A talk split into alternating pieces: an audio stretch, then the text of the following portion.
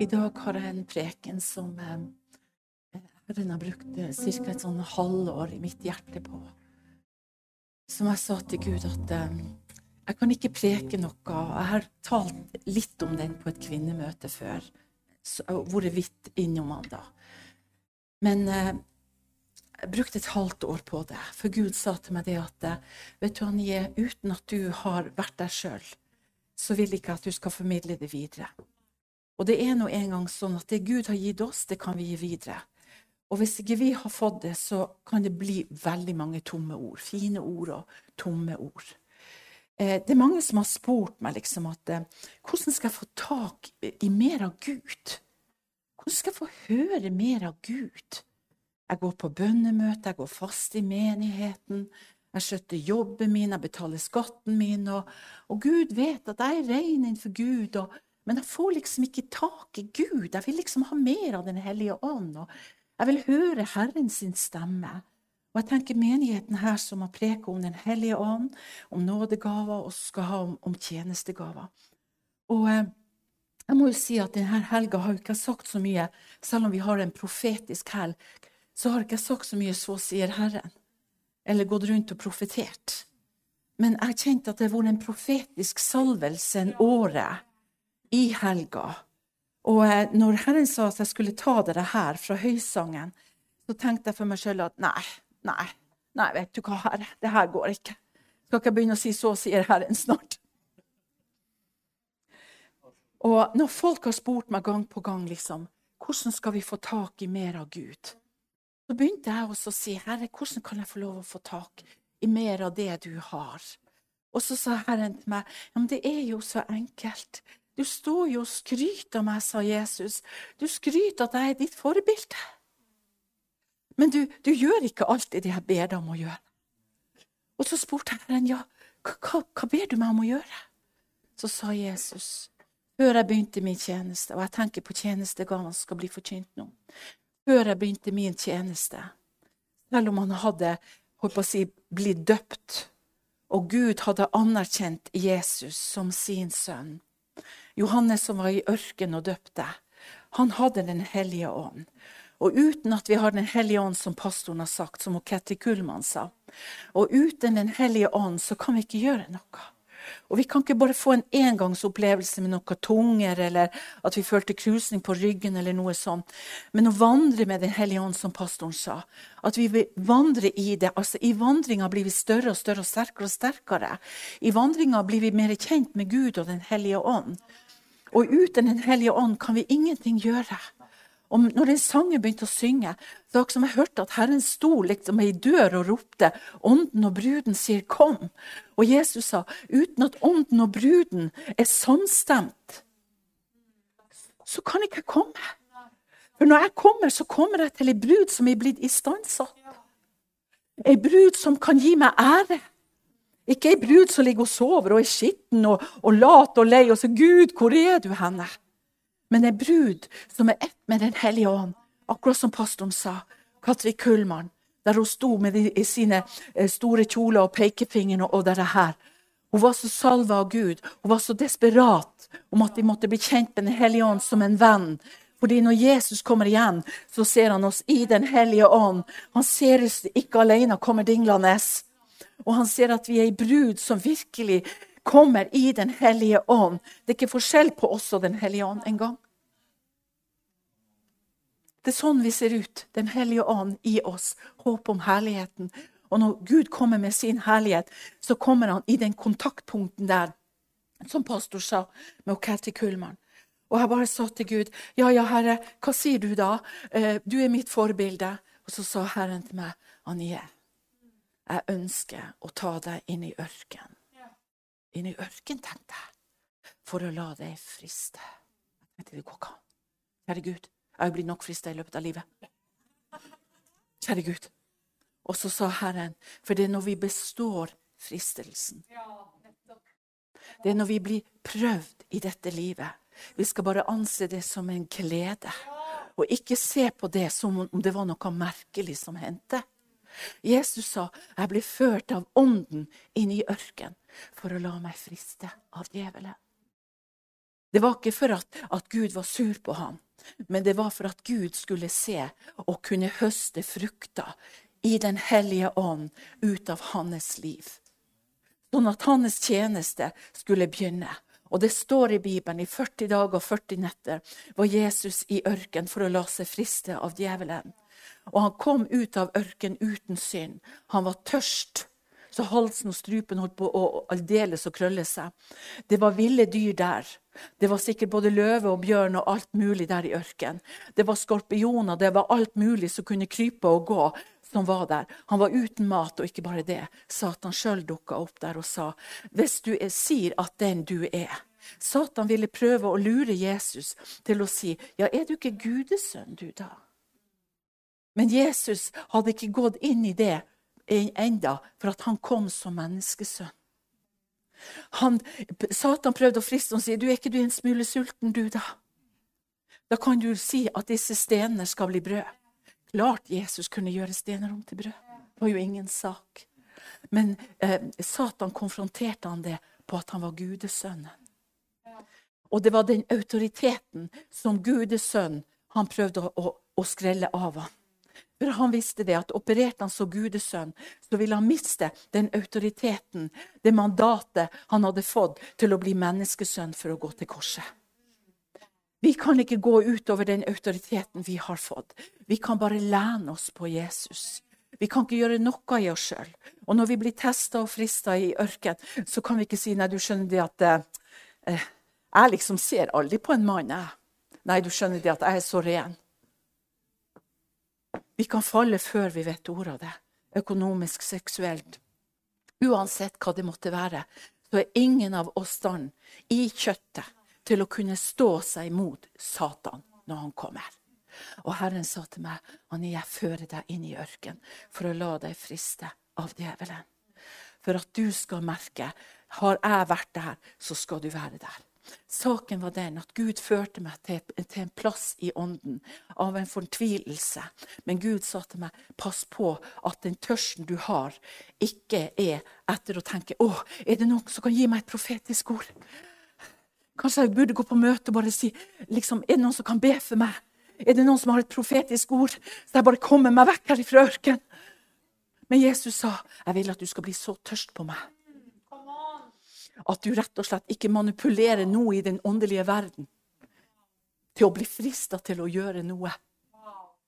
For det var det Satan prøvde å friste Jesus til å få brød, til å si 'ja, jeg er jo Guds sønn'. Og alle disse tingene som Satan prøver å friste Jesus, gå opp på høyden, kaste ned, han brukte Guds ord. Og vi må ikke bli overraska om åndeverden bruker Guds ord. Det gjorde Satan òg. Han kan Guds ord, han.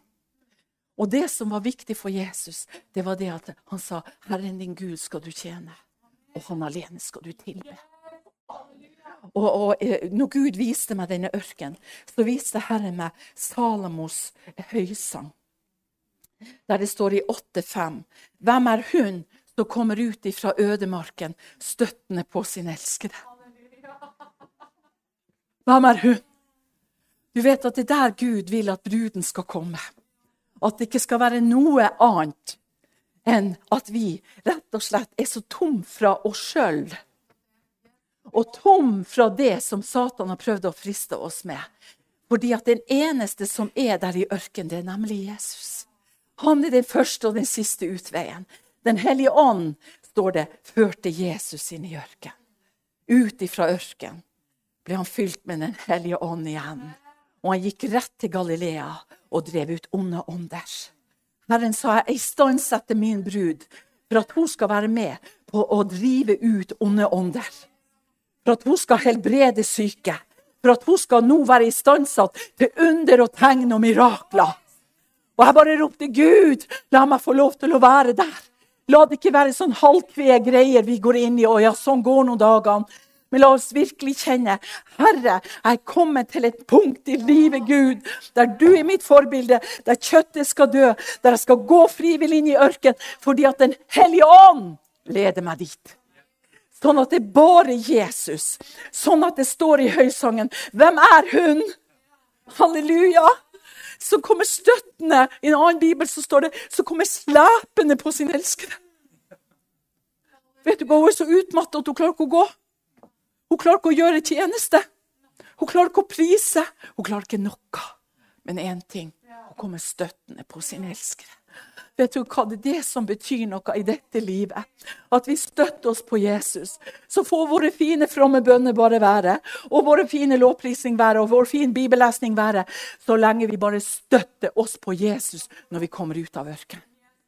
Og da står det om denne kvinnen, og da har jeg skrevet 'Ørkenlivets pris og velsignelse'.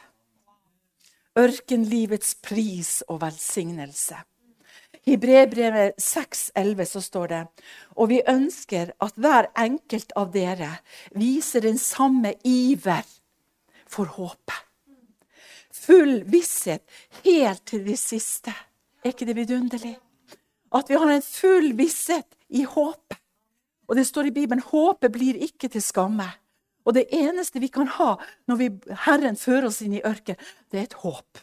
Det er et håp til Gud. Det står i Bibelen om at håpet er et ankerfest i himmelen. Det er det vi bare rett og slett kroker fast i vår ånd. Det er det eneste som holder. Så står det videre så dere ikke blir sløve, men etterfølgere av dem som arver løftene ved tro og tålmodighet. Halleluja! For at vi skal være etterfølgere av dem, av apostlenes og profetenes lære. At vi virkelig skal få lov å se på Guds ord. Vi skal være etterfølger av Jesus, som led tålmodig, som hadde tro inntil det siste. Og når vi lever der, så er det en kvinne, eh, Kristi brud, som kommer opp fra ødemarken i Salomos høysang 8,5, som støtter seg på sin elskere. Herren sa det er en ny forelskelse, en forfriskning i Jesu relasjon. Men da må vi være i ørken for å bli tørst. For det er kun Gud som kan gi oss denne tørsten. I høysangen så står det også det at 'jeg vekket deg under epletreet'. Hør. Der din mor lå med veer med deg. Og så blir det gjentatt da hun fødte deg.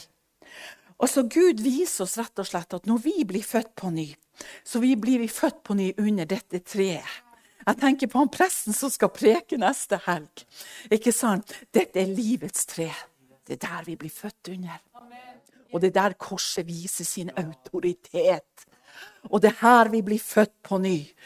Og når han presten der kommer til å preke denne preken, så må jeg bare si det må jeg bare virkelig høre.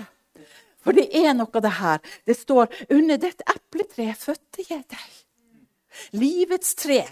Allerede i høysangen så står det det er bildet på Jesus. Hæ? Hele Bibelen har en rød tråd der Jesus ble representert. Fra livets tre i første Mosebok. Kunnskapen mellom godt og ondt. Det var kun Jesus allerede var bestemt. Det er at han som måtte bli livets tre. Derfor måtte de ikke prøve å få kunnskap i noe annet, New Age eller hva det nå måtte være. Det er livets tre, det er Jesus Kristus. Og her står det 'Jeg vekket deg under dette treet'. Halleluja. Under korset. Der får vi lov å være. Og det er der vi kan trygt være inne i ørkenen, for der gikk Jesus før oss. Og der kan vi være sammen med Jesus. Der skal vi få lov å tørste. Der skal vi få lov å si 'Jesus, vet du hva, der ble jeg frista'. Å, Guri malla. Og ikke bare det, jeg falt der òg. Men så sier Jesus, 'Jeg er i ørkenen med deg nå'.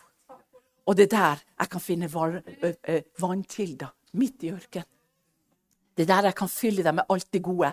Det er ingen annen plass enn i ørkenen så står det også i Høysangen 5 at 'jeg vekket deg', eller i Høysangen 3 'jeg vekket deg'. Når Gud vekker oss, så er det for en hensikt. Jeg tror det er for en ny begynnelse. Halleluja. Skal vi inn i noe nytt, så må vi faktisk bli vekket. For det gamle som vi lever inn i, det kan sulle oss inn i litt sånn søvndyssende greier. Sånn går noen dagene. Ikke sant? Og jeg tror også det som har vært nå, både av, av si, nedstenging og alt det her, det har kanskje gjort også sånn at vi Guds barn har blitt vekket. Rett og slett på en ny måte. Det står også videre i høysangen da, i vers 2. Kjærligheten har flammer, ildsluer, en Herrens flamme. Det, i vers, eh, det var i vers 2. I vers 1 så står det Nikjær, denne kjærligheten er hår som dødsriket. Og det er jo det Gud vekker oss med. Ingenting kan måle seg med Jesus og denne kjærligheten som er ubetalelig. Her er det snakk om denne bruden som kommer ut av ørken, ut av ødemarken. Klarer ikke å gå sjøl. Det eneste som hun har, det er den elskede Jesus. En ny begynnelse. Jeg tror det er en ny begynnelse fra i dag. Det er tydeligvis at han har vært i ørken hele tiden. Han kjenner til den plassen. Men det står i Gamle testamentet, i Jesaja, så står det det 'Jeg vil gjøre veier i ørken'. Halleluja. Det er der som skjer noe når vi er i ørken. I ørken tok Gud Moses der inne, og det står det om at han tok han da fra Sina i fjellet og ga han to steintavler med lov og bud. Og det var en lang ørkenvandring. Det var 40 år. De skulle egentlig ikke bruke så lang tid i den ørken. Og det, sånn er det med oss òg. Gud har ikke sagt at vi skal leve hele kristenlivet i ørken. Nei. Det er ikke et blivende sted. Men det er et sted der Gud vil ta oss inn i for å kultivere oss, for at kjøttet vårt skal dø. For vi må stadig dø. Paulus sier han dør daglig. Så vi må stadig komme inn i dette ørkenlivet. Og i ørken så blir vi tvunget til å se bort fra det synlige, det såkalte normale livet. Både fra mat og drikke, ditten og datten, uansett hva det måtte være. Altså, De essensielle behovene faktisk er ikke til stede. Det er bare Jesus. Og det står flere plasser i Bibelen hvordan Gud ville fylle de ørkenområdene til et fruktbart sted. Halleluja! Halleluja! Pastoren sa her, Katri Kullmann sa, det er en pris å betale. Halleluja. Og Herren sa til meg om jeg var villig til å la meg lede av Den hellige ånd i ørken, og til å preke om det når min tid har vært der. For at vi skal få lov til å kjenne at vi er villige til å betale prisen, som pastoren sa. Er vi villige? Gjør vi opp status quo i dag? Er vi villige? Halleluja. Halleluja, Jesus. Halleluja. Gud sa, 'Jeg vil gi mitt folk strømmer i ødemarken'. Jesaja 43, 18-23. Kom ikke hud i forrige ting. Akt ikke på fortiden. Se, jeg gjør noe nytt. Jesaja 43, 18-21. Nå skal det spire fram, skal det ikke kjenne det. Jeg vil gjøre vei i ørken, strømmer i ødemarken. Hallo? Hvordan skal vi få det som Gud sier, hvis vi ikke er villige til å la Den hellige ånd lede oss inn i ørkenen for å få dette nye? For å komme inn i strømmer i ødemarken, der det veller fram strømmer av og en ny vei, faktisk, og nye elver av vann i ødemarken. Hvordan skal vi ellers si å, jeg får gå på møte, jeg får håpe jeg får et profetisk ord, jeg får håpe jeg får et ord i dag, så jeg kommer meg liksom neste sving? Enn å si Herre, det er inne i ørkenen. Du har dette vannet. Du lager veier, du lager strømmer. Og Herren sa, min brud, min elskede, må glemme det som har vært. Kom deg inn i ørkenen, der bare jeg er, sa Jesus. Der er din elskede, som kan gi deg ny kraft, lage nye veier og gi deg å drikke i ørkenen. Og når Herren sa det til meg, da sa jeg til Gud, Herre, det er greit. Jeg legger ned. Jeg legger ned. Jeg sa til og med det. Herre, hvis du vil at jeg skal slutte å forkynne for at jeg skal gjøre noe nytt, jeg legger ned. Det betyr ingenting. Verken gaver, talenter eller ditten eller datten. Det betyr ingenting, Herre. Det som betyr noe, Gud, at jeg får lov å gå inn i ørkenen. At jeg finner de nye veiene. Og glemmer det som er bak. For hvis ikke vil vi ikke klare å glemme det som er bak. Og det er det som er problemet med kristenfolket i dag. De har så mye pø, så de tenker på ja, så var det det, og så ble jeg skuffa her, og så sleit jeg litt der, og så var jeg litt dum der, og så falt jeg der og synda der, og det ene med det andre. Herren sier bare, Den hellige ånd, vil du være med meg i ørkenen? Vil du være der for å komme til en ny plass i ånden? Og i åndens kraft står det så nydelig vendte Jesus tilbake til Galilea. Og det første han gjør, det er det at han driver ut en ond ånd og helbreder syke. I ørkenen hadde Jesus lært seg å stole på far Gud. Djevelen kom, ville dyr og alt det her. Og det jordiske ble faktisk satt til side for at han skulle kjenne ørkens pris og seier. Der var det Jesus fikk lov å se ansikt til ansikt og vite med seg sjøl at han har gitt sitt liv. I bokrullen er jeg kommet. Og han roste seg ikke til Satan og sier, ja, men du skjønner, jeg er jo Guds sønn. Vet du hva, I ørken kan vi ikke rose og si ja, men jeg har jo gaver og talenter, og jeg er jo predikant. Du skjønner, vi er ingenting. Ingenting. Vi er bare faktisk et lite menneske med kjøtt og blod. Som Gud ønsker å si at vi skal korsfeste det. Det er bare det Gud ønsker å si. Så når Kristuslivet i oss blir så gjennomsyra det som høysangen sier, at vi er brudens skjønnhet, og den skjønnheten der som hos står, at hvem er hun som kommer ut av ødemarken støttende på sin elskere? Eller som kommer slepende, står det en annen bibel. Så får hun en sånn kjærlighetserklæring hvem hun er. Mm -hmm, det var jeg som fødte det. Det er der situasjonen begynner. Så får hun høre bruden igjen. Og det som er så rart, når vi går over da Og heldigvis er ikke Bibelen kronologisk, for å si det sånn. Og der står det da i Høysangen 3, 6, fra vers 6, så hører vi at en, en brud, eller en brudgom, da Og så får vi høre om en annen kvinne, da. Eller en annen brud. Og der står det det at uh, før der så står det 'egg ikke kjærligheten før den vil'. Vi kan ikke dra oss etter håret inn i ørkenen.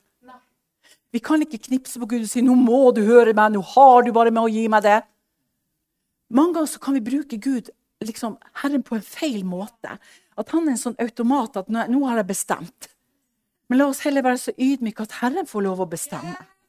Sånn at Herren får ta oss inn i ørkenen. Sånn at vi bare vet at når han tar oss der, så egger vi ikke kjærligheten før den vil. For Gud vet når vi er villige til å stå ut løpet. Og bare se det som en glede, og ikke bli overraska og begynne å anklage Gud. Når vi er alene med Jesus, så spiller ikke sansene våre inn i det hele tatt. Vi har ikke øynes lyst, vi har ikke følelser, tanker, arbeid og flotte tjenester og hva vi har fått hos Gud eller andre. eller noe sånt. Da er det bare Jesus. Når vi har blitt der med Herren, så er det Gud som leder oss. Og det er da Herren vil gi oss klarhet. Klarhet. Vi snakker jo om at dette har vært ei profetisk helg. Skal vi kunne leve i det profetiske? Både for oss sjøl, sammen med menighet og alt det som Gud vil gi oss, så er ørkenvandringens pris og seier det mest nødvendige blant Kristi brud. For at vi skal gå inn og rydde vekk omstendighetene våre som har knebla oss så lenge, som er sånne lyder bak oss at det halve kunne vært nok.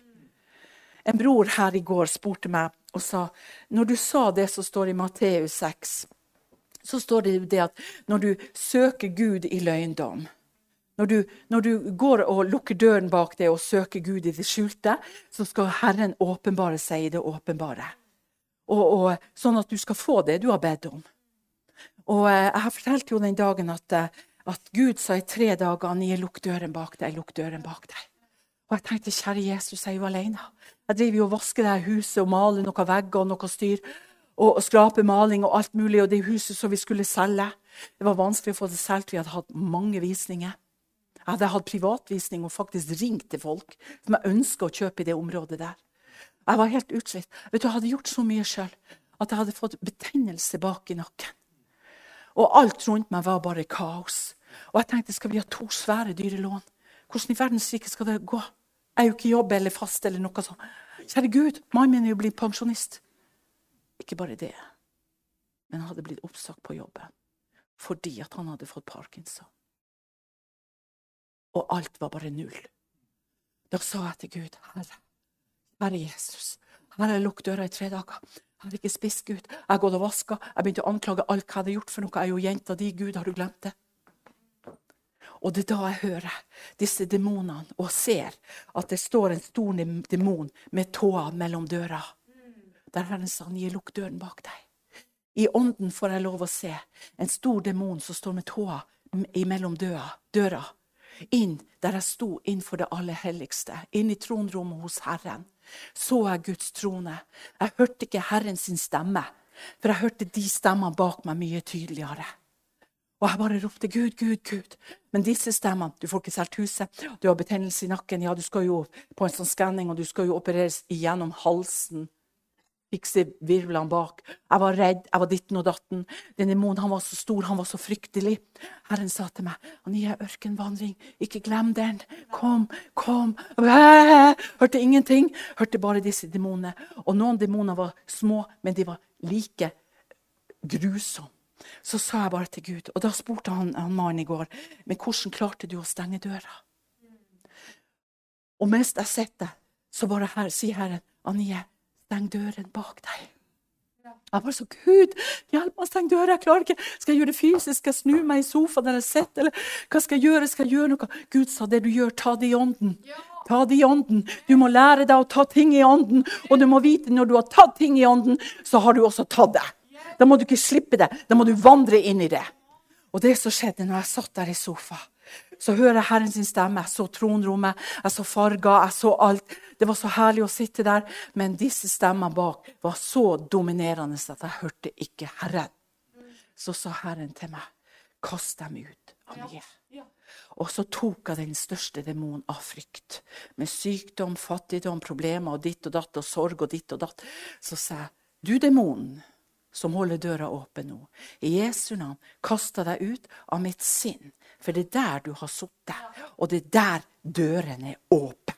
Du sitter ikke i min ånd, for jeg er hellig, så så Gud er hellig. Jeg kaster deg ut av mitt sinn i Jesu navn, og jeg bare slamrer døra igjen. Og jeg talte til de andre demonene. Plutselig også hørte jeg ei dør som ble slamra igjen. Men det som var det mest påtagelige, det var det jeg hørte ekko i rommet. Jeg tenkte først at det var kanskje for at det var litt tomt. Det var bare sofa og bord og noe. Ingen maleri. Vi hadde jo flytta og hadde vaska og malt. Og. Så jeg, å, det var ekko i rommet. Så hører jeg Herren sin stemme. Han gikk så på detaljer at han sa til og med det. Vet du, Anie, den sofa du sitter i nå, den skal du ikke selge. Jeg har tillatt at du ikke skal selge, for du skal ha den på galleriet. Jeg hadde tre trekk til den dyre sofaen. Du skal ha den på galleriet. På, på galleri? Skal jeg få galleri? Det visste jeg jo ikke. I dag sitter jeg med det store galleriet. Gratis. Jeg visste det ikke. Herren sa bare helt praktiske ting. Herren sa til meg du kan bare si til han Svein dere trenger ikke megler. Men han var jo allerede innledd og betalt. Herren sa han kommer ikke til å selge det likevel, men du skal ringe til den første dama som ikke likte bønnerommet ditt. Og hun bodde på andre sida av byen. Herren sa du skal ringe til henne og si eh, hvis du har lyst, så kan du få en privatvisning. Og Herren sier, for jeg har lagt ned i hennes hjerte. Og hun ønsker å bo i området, men hun kjente motstand imot bønnerommet ditt. Det var det hun sa. Dette rommet liker jeg ikke. Enda var det tomt. Og da sa bare Herren, for dette var fryktens ånd som hadde satt seg mellom dine ører, som ikke du klarte å drive ut pga. frykten var så stor. Da er ikke kjærligheten til meg kompetent. Og når jeg hadde gjort det, så bare satt jeg og sa Uff, herre, jeg skulle hatt papir, og jeg skulle ha skrevet litt. For jeg satt jo der med vaskehansker nesten. Så jeg skulle ha skrevet det ned. Men Herren sa alt det jeg gir, kommer ikke i glemmeboka. Det blir stadfesta som et seil på ditt hjerte, som en seil på din arm.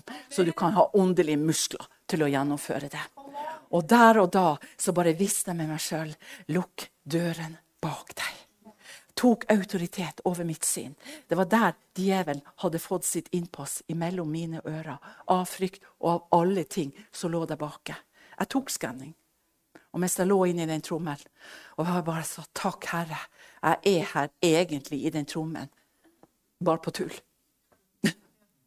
og når jeg var ferdig der og hadde så vondt i nakken, klarte nesten ikke å røyse meg, så sa jeg bare dette her er bare forbigående. Jeg sa bare Gud, jeg nekter å bli operert gjennom halsen. Jeg nekter det, Gud. Og så sa bare Herren, bare kast han ut. Lukk døra. Og idet jeg gikk fra Haukeland sykehus, jeg bare sa, Herre, du vet denne døra her. Jeg lukker henne igjen. Så får jeg papirer tilbake, så står det det. Du skal ikke trenge noe operasjon, for bildene dine er annerledes. Jeg måtte lese det flere ganger når jeg fikk det inn, på mail. Stemmer det? Er det sant, Herre? Er det sant, Herre? Og jeg tror at når vi er i den ørken av velsignelsen av Herren, der Herren kan gi oss noe fruktbart som vi kanskje aldri har fått før Se, jeg gjør noe nytt. skal det ikke spire fram. Kjenner dere ikke det? For det er midt i ørkenen det spirer. Det er ikke her. Det er ikke her vi har, har åndelig pondus og, og, vi har fått så mye velsignelse. Å, det er så godt, det kan jeg leve lenge på. Nei! Vi kan ikke leve på det. For faktisk det beste som vi får i dag, kan bli det nest beste i morgen. Derfor må vi ha påfyll hver dag. Vi vet jo med ørkenfolket. De samla jo dette mannene for sikkerhets skyld. Så står det det i Bibelen, og så begynte de å stinke og gjære. Hæ? Og, stinke og gjære betyr egentlig det fluenes konge i Bibelen. Det står om at når salvelsen får flue i seg, så begynner det å stinke og gjære. Så vi har ikke tid til at det skal stinke og gjære i deigen vår. Vi er et brød som trenger rett og slett å bli knadd hver eneste dag. For at ikke det skal begynne å stinke og gjære. Sånn at vi ikke sier jeg tar ekstra, Herre. Jeg, jeg, jeg går ekstra en gang til til forbønn, sånn at jeg kan ha det i morgen. Så blir det bare jabba dabba du. Så blir det faktisk bare kjøttkraft. Vi tar imot i kraft, kjøttkraft. Og så tenker de som ber ja, men jeg ba jo for det i går. Jeg ba jo for det i fjor. Akkurat, ja. Vi ber jo for det samme om og om igjen. For steden å bare gå inn i ørkenen. Jeg skal sannelig lage vei i ødemarken og strømmer i ørkenen. Det står til og med videre villdyrene på marken skal ære meg, og sjakaler og strutser. Hva er det for noe? Det er demoner. Sjakaler og strutser står i Bibelen for demoner.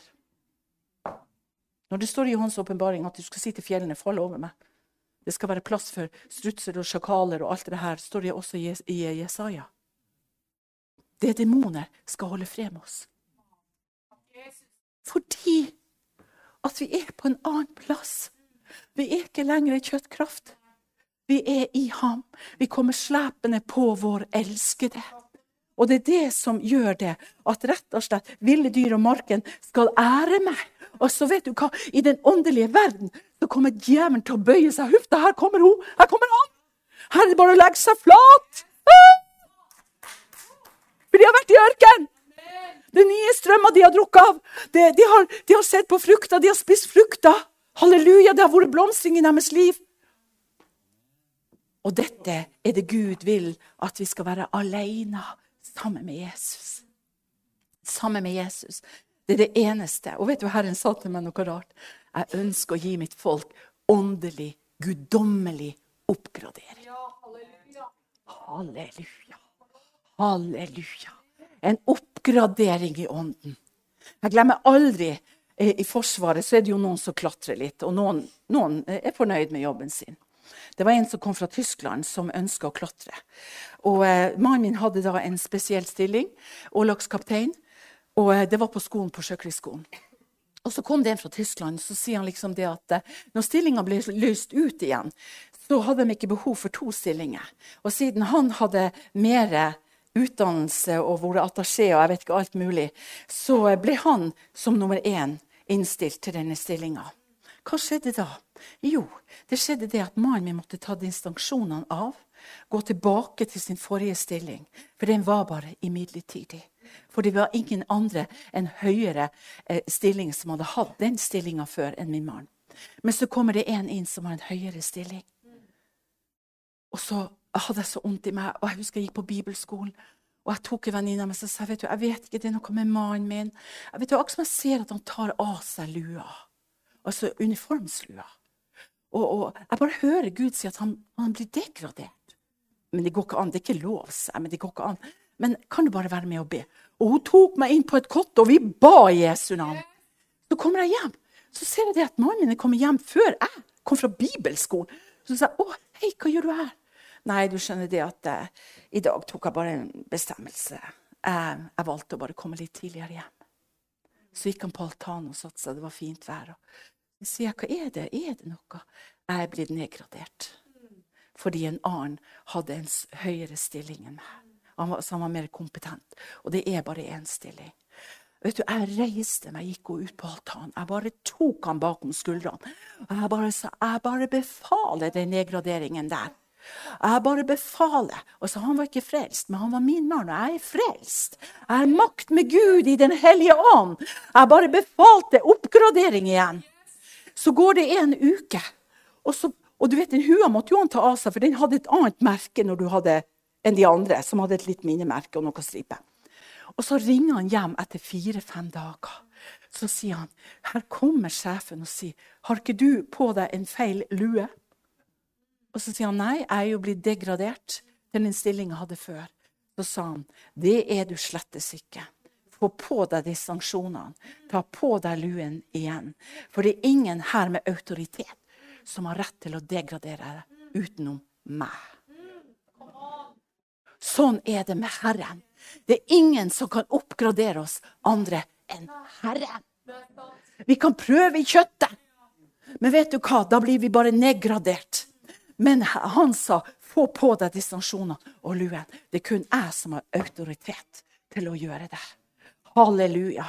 Det er en forberedelsestid for oss kristne til å bli oppgradert som Guds barn. En ørkenvandring som får slagget ut av oss, som får sjelen til å bli fri, og til å få kjøttet til å dø. Og Gud ønsker ikke at vi skal pines, men at vi skal få en oppgradering i ånden. I ørken gjør sånn at vi er avhengig av Jesus. Å, halleluja. Jeg må flire. Jeg har ei skjønn venninne hjemme. og Hun bruker å si til meg jeg skjønner ingenting, Anie. Når jeg og du er ute og shopper, så hun, så finner du alltid sånne kjempedyre klær satt ned til 70 og et par sko til 4000-5000 plutselig til 70% Og du går akkurat inn i dem. Så sier jeg til henne ja, men for at Gud vet hvor min økonomi ligger, og Gud vet hva smak jeg har, hvorfor kan ikke Gud gjøre med meg, da? Så sa jeg nei, for du skjønner, du har overflod på konto, så du kan gjøre hva du vil. Og vet du hva hun sa? Det er i grunnen sant. Du skjønner det at å bli avhengig av Jesus på absolutt alle plan. At vi ikke bare tenker sånn at nå er kontoen min fyll, og, og nå er alt bare jubelene på Toten, og da har vi det så greit. Da kan vi faktisk ha så mye vann mellom tennene som det bare er. Men Gud ønsker at vi skal være tørste, at vi skal gå inn i ørken. Det mest uperfekte stedet for en kristen å være i det synlige, men i det åndelige er det mest perfekte stedet å være. Halleluja. Altså, Denne preken min er veldig lang, så jeg skal bare bla litt. Grann. Halleluja. Gud ønsker at vi skal ligne på Jesus. Og Jesus sa når vi skal ligne på han, så er det, da må vi også gjøre det samme som han. Det står i Høysangen 3. Derfor sa jeg Bibelen er ikke kronologisk. Først er det åtte, og så går vi tilbake til Høysangen 3. Og Der er det noe annet om noen som kommer ut fra ørkenen. Plutselig høres ikke hun ut som hun. Hun høres ut som det. Altså, Bibelen sier her er ikke det snakk om mann eller kvinner, skytter, trell, barbar eller fri. Vi er alle ett i Kristus. Det er det. Så står det det. Hvem er det som kommer ut av ødemarken som en røyksøyle? Hør, hun er blitt forvandla! Hæ? Hvem er det? Det er ikke snakk om mann eller kvinne, skytter, trell, barbar eller fri. Alle ett i Kristus. Jøder og hedninger og alle dem som har tatt imot Jesus så står det det. Hvem er det som kommer opp av ødemarken som en røyksøyle? Røyksøyle blir kun sagt én gang i Bibelen. Det er når Jesus, det er når Moses skulle gå ut om dagen og forflytte seg fra et sted til et annet om dagen. Så står det det, det var det en røyksøyle som gikk forbi dem, og det er bildet på Jesus. Så står det hvem er det som kommer opp fra ødemarken som en røyksøyle? Parfymert med myrra og røkelse. Hør! Parfymert med sånne døde, salver. Hun er parfymert med døde salver, altså med salve som Jesus ble parfymert med når han døde. Hæ? Med røkelse og myrra. Det som Jesus fikk når han ble født hos de tre kongene. Gull og røkelse og myrra. Så står det at hun plutselig har en parfyme av dette som Jesus fikk når han ble født. Hæ? Og gullet, røykskyen, det er jo Jesus i våre liv. Så får vi plutselig det samme som når Jesus ble født. Her er det noe som heter det. En kristig brud som kommer derifra, omgitt av parfyme, myrra, røkelse, og så kommer det enda noe mer. Hør her. Med kjøpmanns velduftende krydder. Altså, hvem er denne kjøpmannen? Det er Den hellige ånd. Å, Den hellige ånd. Vi kan kun kjøpe hos Den hellige ånd. Av alle kjøpmannens velduftende krydder. Det er han som krydrer oss. Det er han som gir oss salt og kraft. For at vi skal være moden til å være der i ørken. Vi kan kjøpe hos Den hellige ånd. Gå til kjøpmannen og kjøp olje på lampen. Kjøpmannen er Den hellige ånd. Og det er kun han vi kan kjøpe, for vi har en pris ved Jesu blod å betale med. Vi kan ikke kjøpe med noe annet, bare med Jesu blod. En velduftende krydder. og så kommer det videre her. Hør her. En bærestol.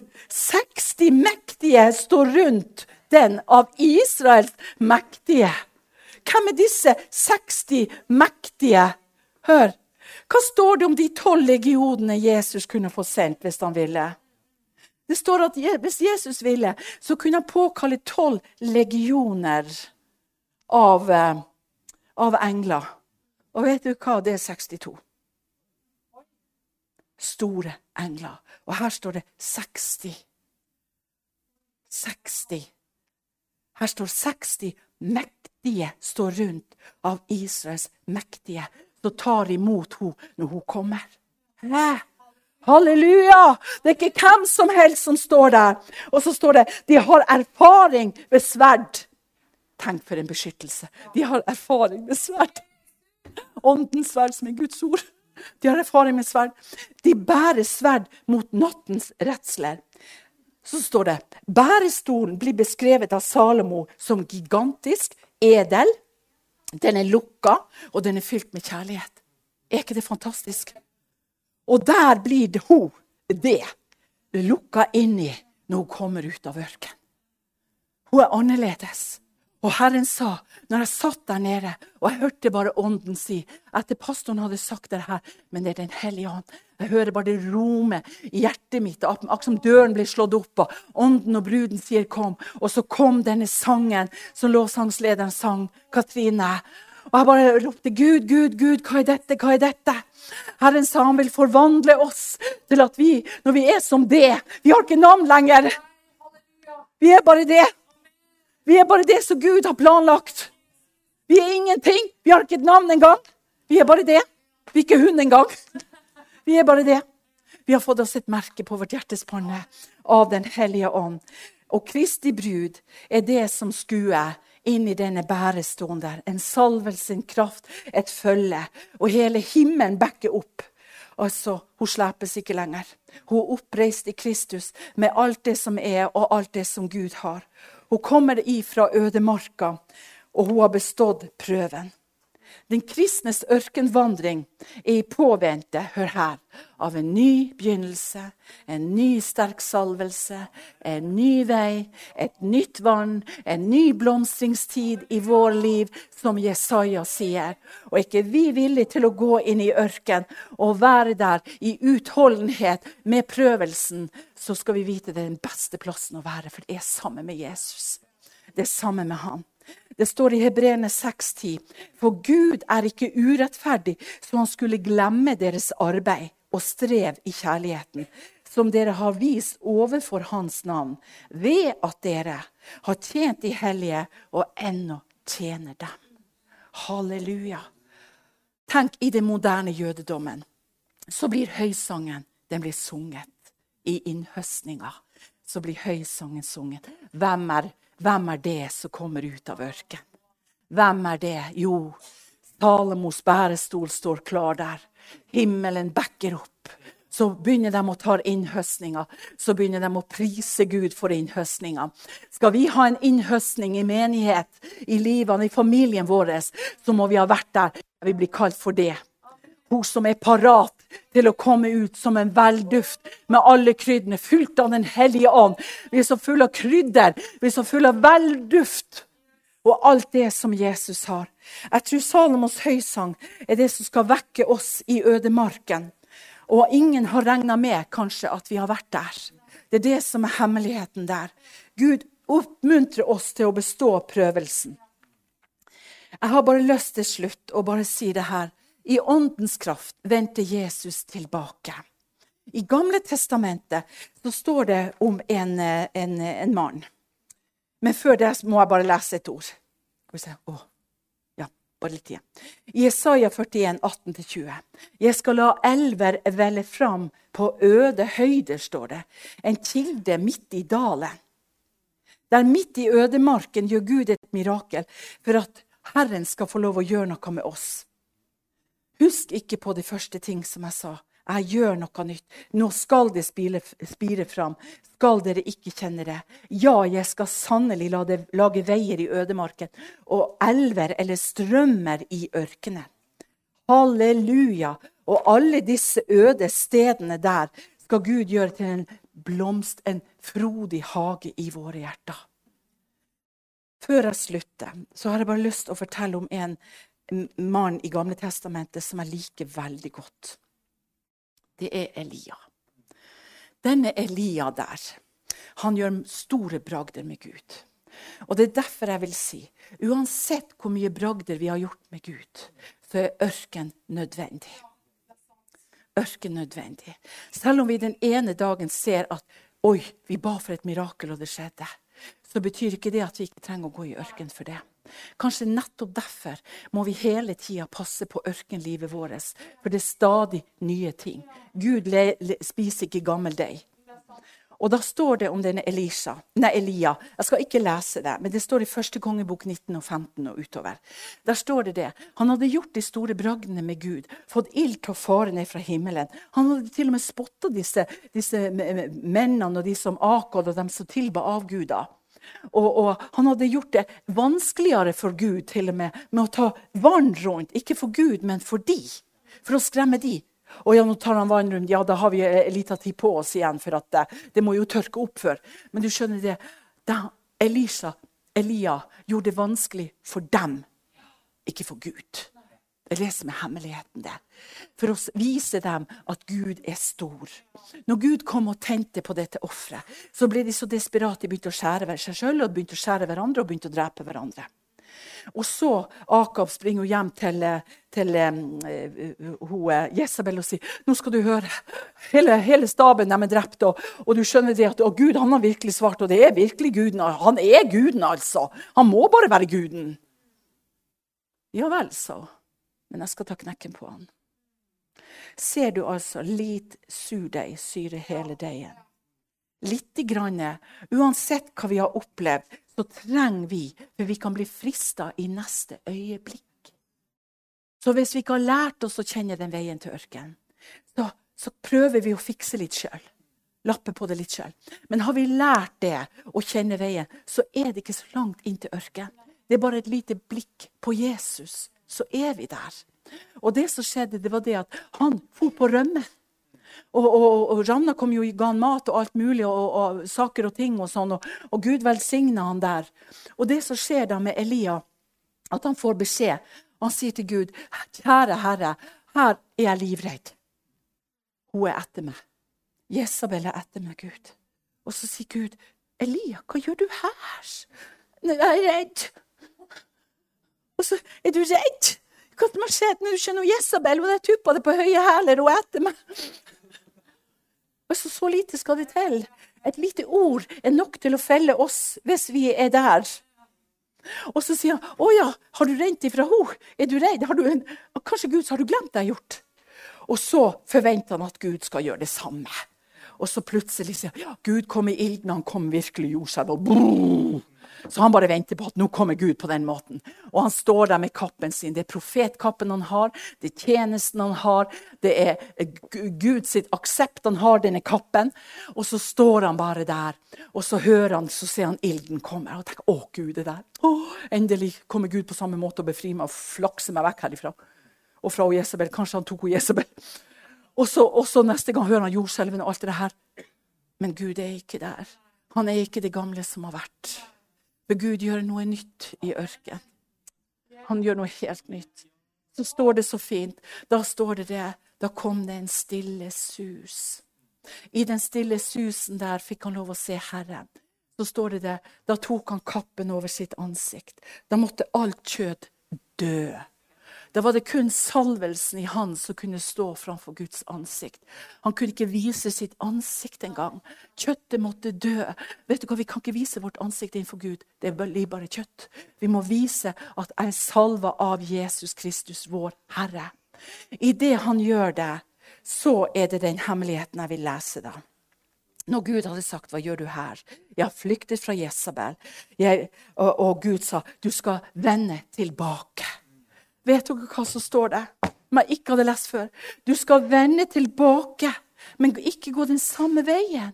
Du skal gå gjennom ørkenen tilbake. Og idet jeg leste det, så tenkte jeg ja, denne profeten som hadde fått ild fra fare fra himmelen, som virkelig hadde sett under og tegn og mirakler med Gud. Han må gå tilbake, men han går ikke den samme veien. Men du skal gå gjennom ørken. Ikke samme veien, men langs veien til ødemarken, til Damaskus. Der skal du gå, og der vil jeg tale til deg. Hæ? Er ikke det fantastisk? Og vi vet jo, når Elia hadde gjort dette, så tar han da Elisa, og det er det som han skal gjøre. Og så farer han opp i ildvognen. Han måtte gjennom ørkenen. Og vi må gjennom ørkenen. Derfor tenker jeg, når vi kommer inn i tøffe tider og virkelig kjenner det at vi må drepe dette legemet Det er kun du, Hellige Ånd, som Katri Kullmann sa. Det er kun deg jeg vil ligne på. Det er kun Jesus er mitt forbilde. Kjære Gud, hjelp meg så kjøttet mitt kan dø, så at jeg stadig kan gå gjennom ørkenen. Fordi at han måtte ha noe nytt. Han måtte ha noe nytt. Han kunne ikke satse på ilden og, og, og alt det her som han hadde opplevd før. Han måtte rett og slett gå gjennom ørkenen for å kunne salve Elisha og alt de kongene og alt det der i sitt sted. For Hvis ikke så ville det bli kjøttkraft. Hvis ikke ville han bare vise ansiktet. Og han visste ikke ansiktet når han for opp til himmelen i denne vognen. Og så tok han av denne kappen, og så kasta han den over Elisha. Halleluja. Det er det Gud gjør med oss. Herren sier at 'jeg har en kappe for hver enkelt av oss'. Og Jeg hadde jo lyst til at Bjørg skulle ha vitna i dag, men jeg tenker at klokka er mange, og jeg kan si, kan jeg si det her, Bjørg? Og Bjørg hadde en drøm, og så drømte hun det at Gud hadde gitt henne tre-fire kapper. Jeg tror kanskje hun sa det sist vi var her. Men jeg sier det en gang til. Hun drømte at, hun tre, at det var tre kapper som lå der. De var store, de var gråe, beigegrå, de var ikke noe fin. Så skulle hun ta den på seg og så at oi, den var jo for stor. Og ikke bare det, men de andre også var større eh, i kappe. Og så lå de under hverandre. Så lå de under og større og større. Og så sa Herren at det er det du skal vokse inn i. Hvordan var det? Ja. Ja.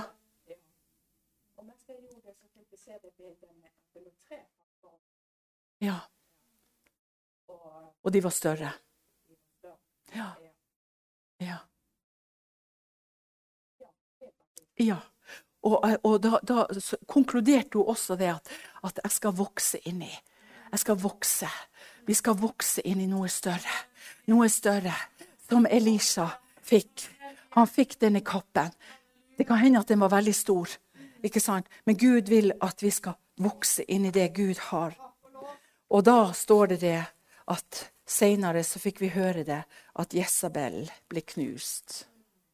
Og hestene som Den kongen som han salva, står det det at når han kom til Jesabel, så sa hun 'Kommer du med fred?'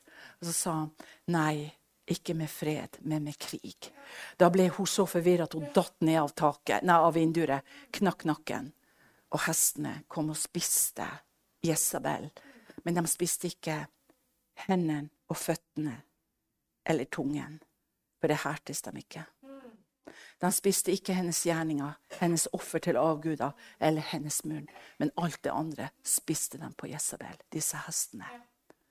Vi vet at Ørkenvandringen med Gud er en velsignelse og en prøvelse. Men det er for at vi skal bli Jesus lik. At vi skal bli forvandla.